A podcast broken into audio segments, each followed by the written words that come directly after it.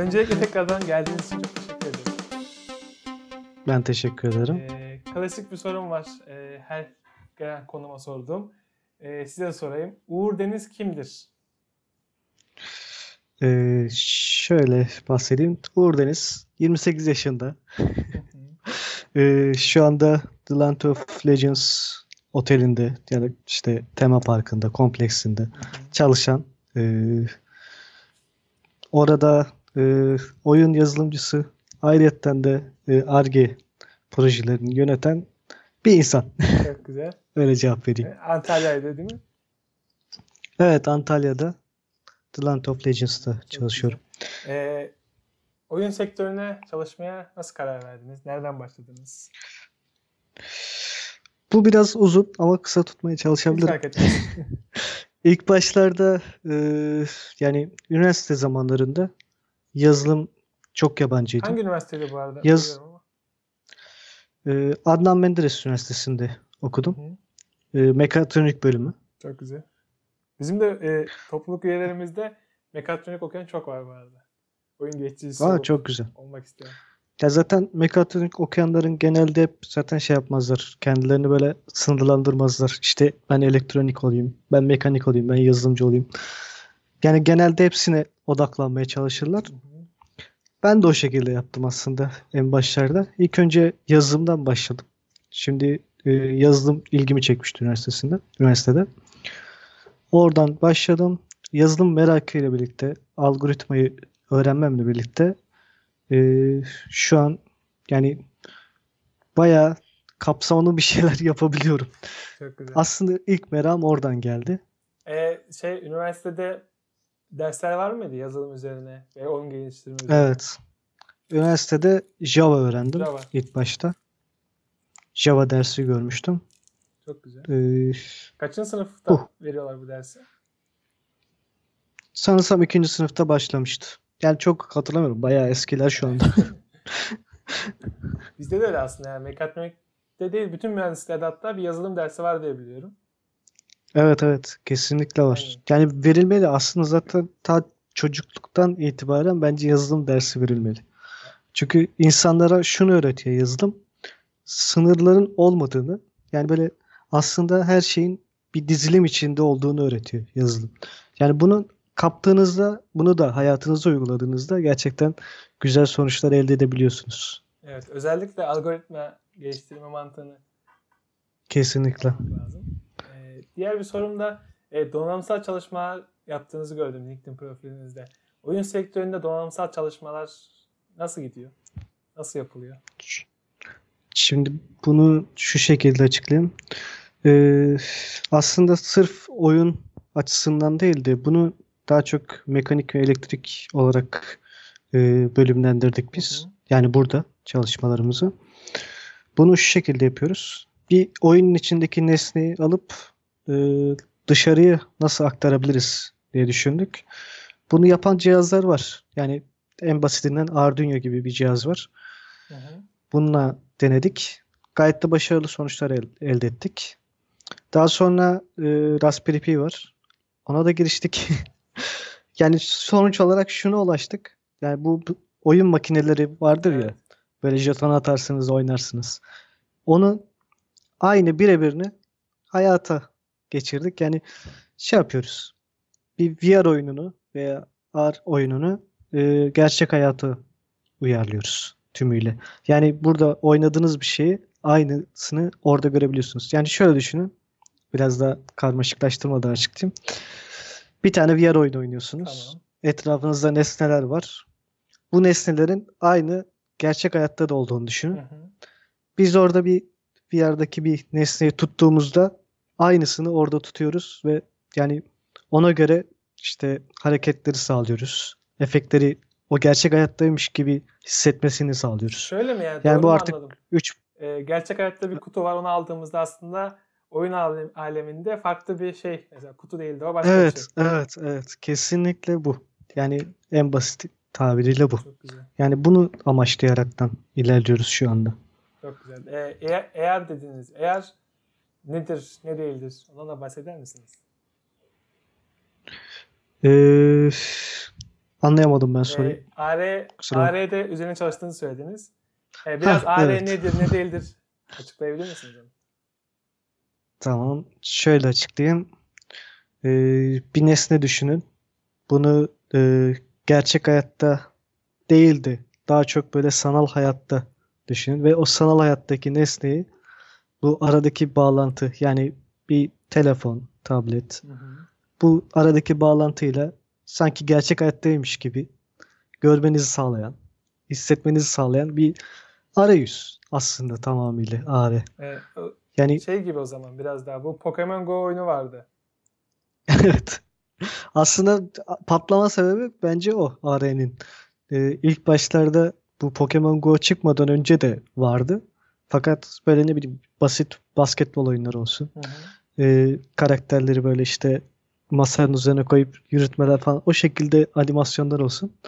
Onlar vardı ama Pokemon Go ile birlikte bu AR olayı daha çok yaygınlaştı, patladı diyebilirim. Evet, popüler olmasını sağladı. Evet, kesinlikle popüler olmasını sağladı Pokemon Go. Ee, bu Insta- Instagram filtreleri de giriyor mu AR'ye? Evet, kesinlikle giriyor. Son, Bununla da e, başka çalışmalarım var. Çok yani otel fazla aslında üstüne düşmedi bu AR'ye. Neden bilmiyorum. Yani yaptık birkaç tane çalışma AR ile ilgili. Hatta bu Instagram'a direkt uyguladık. E, otel böyle çok sıcak bakmadı. Yani bunun pek fazla bir şey yokmuş gibi sanki daha fazla geliştirilemezmiş gibi gördü. Fazla bir çalışma yapamadık AR ile ilgili. Yani e, bu Instagram efektleriyle ilgili. Benim aklıma aslında direkt o geldi. Daha Çünkü ne bileyim hani otelin tanıtımını yapacak bir filtre yapıp o filtreyle oteli etiketleyip paylaşım yapmanı isteyip ne bileyim bir ödül verilebilir Evet evet gibi. evet. Ama işte çok fazla tutmadı. Hı hı. Yani otel şeyinde çalışanların da olsun, üstlerde olsun fazla bir etki yaratamadı. Anladım. Öyle Hı hı. diyeyim. Daha çok bu AR'yi şu anda otelin içinde böyle çocukların kullanıyoruz. Yani mesela hmm, böyle bir top alıp işte duvara attıklarında böyle bir efekt görebiliyorlar Telefon gibisinden. Bu aslında aslında telefonlarını tutuyorlar duvara karşı. evet evet Topu evet o da aslında var. oteldeki duvara atmış gibi oluyor yani. Bir nevi. Evet, Çok aynen. güzel. Çok farklı şeyler. E, VR da dediniz ama bu eğer VR birbirine çok karıştırılan iki terim diye biliyorum. VR'dan da bahseder misiniz? Ne farkı var AR'dan? VR'da şu an mesela AR'de o nesneyi e, görüyorsunuz. Hı hı. Gerçek hayatı uyarlıyorsunuz. Ama VR'da sanki yaşıyormuşsunuz gibi. Yani aslında tamamıyla o dünyanın içindesiniz. Fakat AR'de öyle bir etken yok. Nesnesel olarak. Bence en büyük farkı bu. VR ile AR'nin farkı. Siz de o zaman biraz daha VR üzerine mi çalışıyorsunuz otel olarak? Yani çalıştığınız Evet. VR VR daha çok e, etken. Hı hı. Bu e, nasıl anlatabilirim? Şimdi burada bir cihaz var. E, bir ışık cihazı, bir mm, ses cihazı. Bu ses cihazları, ışık cihazları e, bir tane cihazdan kontrol ediliyor. E, ArtNet adında. Hı hı. Bu ArtNet cihazı e, sizin bilgilerinizi alıyor. Bilgisayardaki bilgilerinizi. O cihazlara yönlendiriyor. Şu anda bizim yaptığımızda çalışma aynen bu şekilde.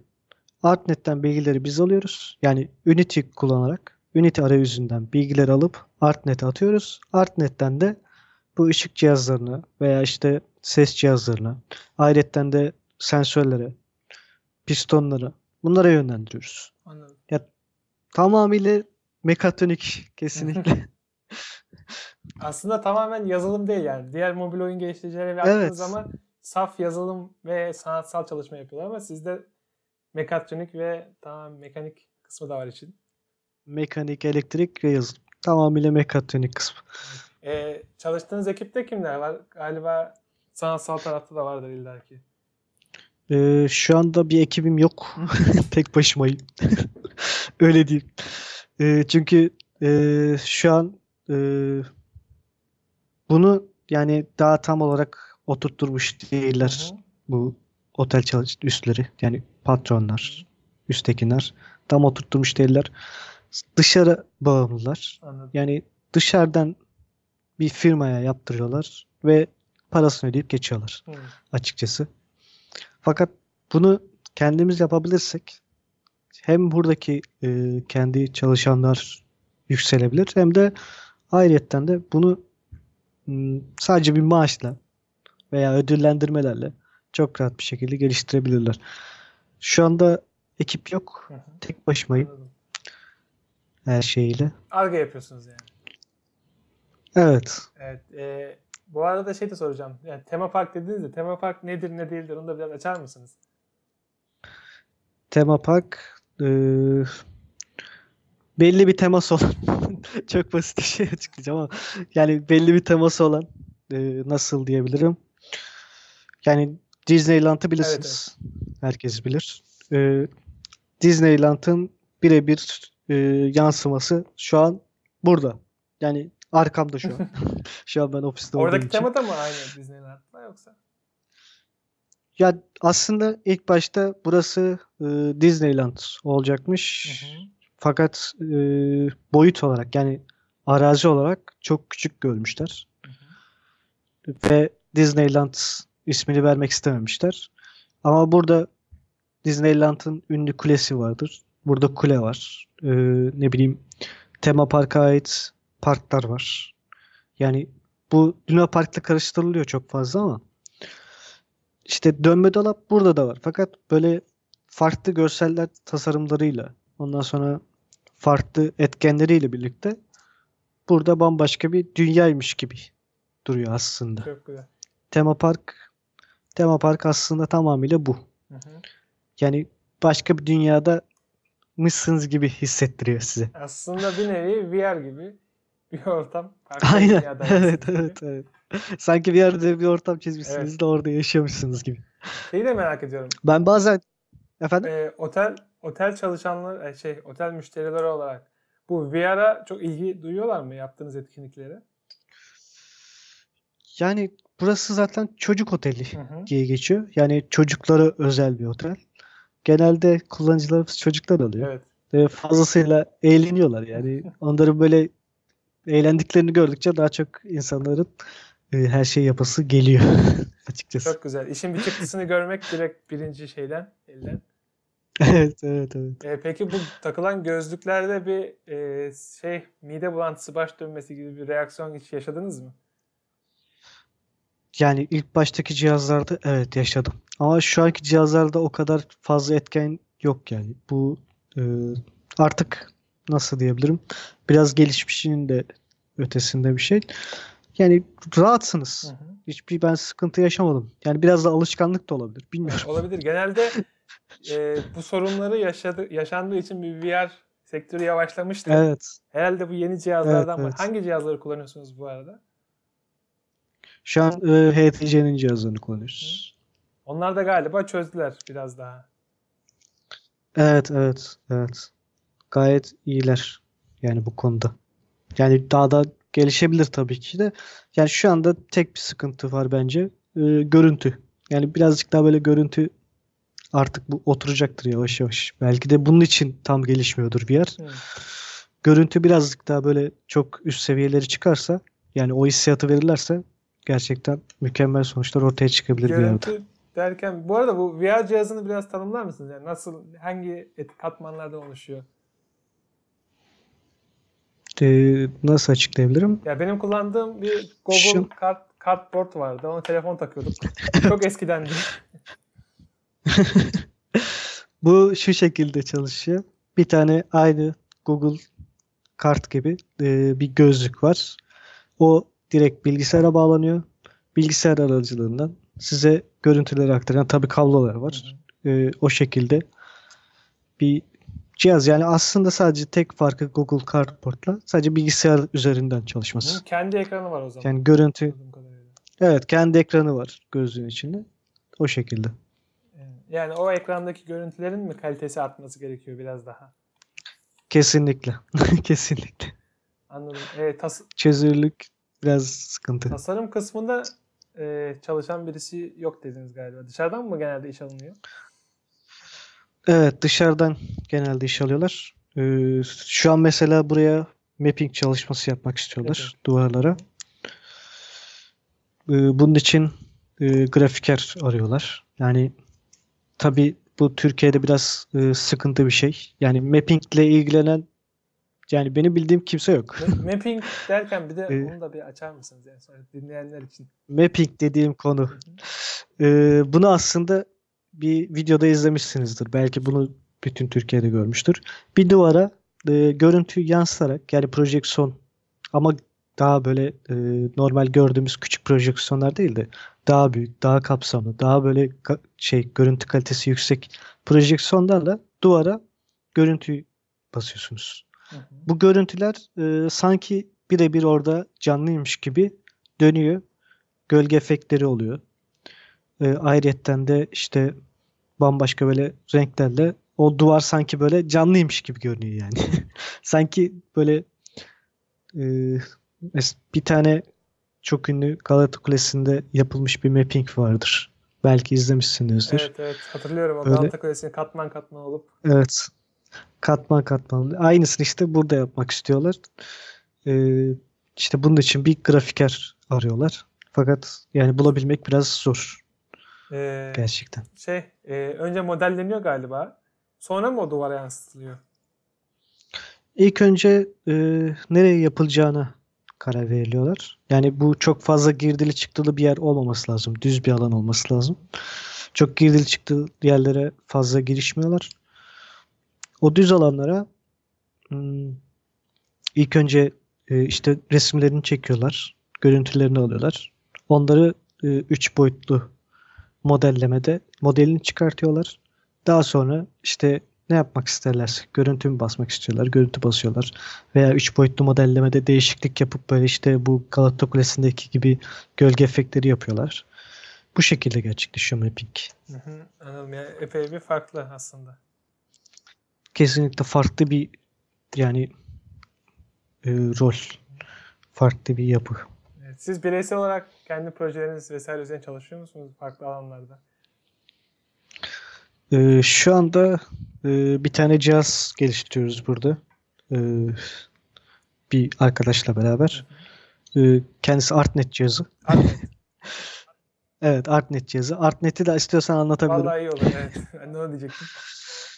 Ee, Artnet e, bildiğiniz Ethernet bağlantısı aslında. Fakat şu şekilde çalışıyor. Bir Ethernet bağlantısı bir cihazın IP'sini alaraktan çalışır. Hı hı. bu IP adresini bir bağlantı olarak görmüyor da bunu e, binlerce bağlantı olarak görüyor. Yani siz bir tane işlem yapacağınıza binlerce işlem yapabiliyorsunuz bu cihaz sayesinde. Wow. E, DMX diye bir çıkış var. DMX de şu şekilde anlatayım.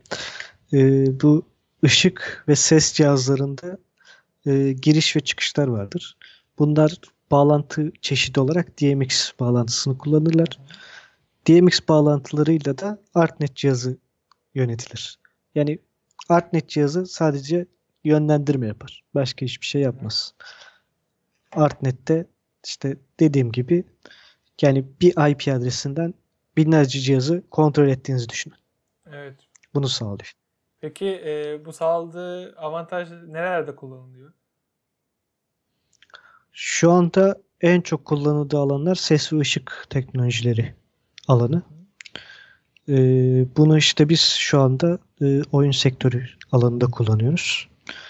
Daha çok işte anlattığım gibi oyun makinelerini kullanırken ayrıca burada e, 5D sinema var. Hı hı. 5D sinemaları işte bu altındaki sensörler ve pistonların hareketleri olsun. Ondan sonra görüntülerin girip çıkması olsun. Bunların hepsini Artnet cihazı kontrol ediyor. Yani burada da kullanılıyor. Başka kullanım alanı bilmiyorum. Yani bu kadar aslında. Şeyi soracağım. E, dinleyen dinleyenler arasında bu VR alanına girmek isteyen ben çok kişiyle tanıştım ama nasıl yapacaklarını falan hiç kafanda oturmamışlar. Bir öneriniz var mı? Şöyle başlasanız daha iyi olur. Şuralara baksanız gibi. Ee, şöyle diyeyim. Ben bu işe yani VR'a başlarken şu şekilde başladım. Ee, bir alan yarattım kendim ilk önce. Bu oyun falan değil. Yani gerçek hayatta bir Hı alan. hı. bileyim işte bir ışık herhangi bir nesneleri koyup yani dokunarak hissetmeye çalıştım en başta. Yani çok temel aslında kalıyor ama daha sonra bunu VR'a dökmeye çalıştım yani oyun motoruna dökmeye çalıştığımda aynı o hislerle dökmeye çalıştım. Başlangıç olarak aslında his önemli VR'da. Bazı şeylerde e, bunu kaçırıyorlar çalışmalarda, VR çalışmalarında. Çok sanal kalıyor. Çok böyle evet çok saçma şeyler çıkabiliyor ortaya. Bence başlangıç olarak yani kendi hislerine güvenerekten bir böyle e, çalışma yapsınlar kendileri. Yani bir odanın bir masasını boşaltsınlar. Bir nesne koysunlar. Yani aslında bunu insan e, yapıyor ama yani hissederek yapmıyor. Yani çoğu zaman. Bir yani kimse bir bardağı hissederek dokunmaz yani sonuçta. Refleks olarak dokunur genelde. Alışkanlık. Evet yani normal alışkanlık olarak dokunur. Yani bu şekilde hissederek dokunaraktan işte ne yapabilirim ben bununla? Bununla neleri değiştirebilirim? Gibisinden düşünerekten bunu aynısını oyun motoruna uygulama, uygulayarak başlayabilirler bence. Oyun motoru olarak siz yani Unity'yi baş... kullandınız herhalde. Evet Unity'yi kullanıyoruz. Hı-hı. Burada genel olarak. Unreal yani çok şey yapmıyorum. Tavsiye etmiyorum bu konuda. Yani gerçekçilik konusunda çok iyi ama e, biraz sıkıntıları var Unreal'in. Yani yazılım konusunda özellikle. Evet. Ee, peki oyun motorunu nasıl öğrendiniz? Yani nerelere baktınız? Neler yaptınız o konuda? Oyun motorunu e, şu şekilde başladım. E, yani ben neden yapmayayım dedim. Çok güzel. Yani neden yapamayayım? İlk başlangıçta soru olarak bu aklıma gelmişti. E, Baya bir çalışma yaptım 6 ay kadar. Yani şu şekilde başladım. İlk kendi oyunumu nasıl yapabilirim? Bu şekilde başladım. Yazılım konusunda kendimi geliştirdim. Grafikte işte ücretsiz modeller kullandım. Daha sonra bunlarla neler yapabilirim? Bunları kendime hazırladım. Bir yandan da arayüzü öğrendim. Unity'nin arayüzünü. Bu şekilde 6 ay bir çalışma yaparaktan e, kendimi geliştirdim.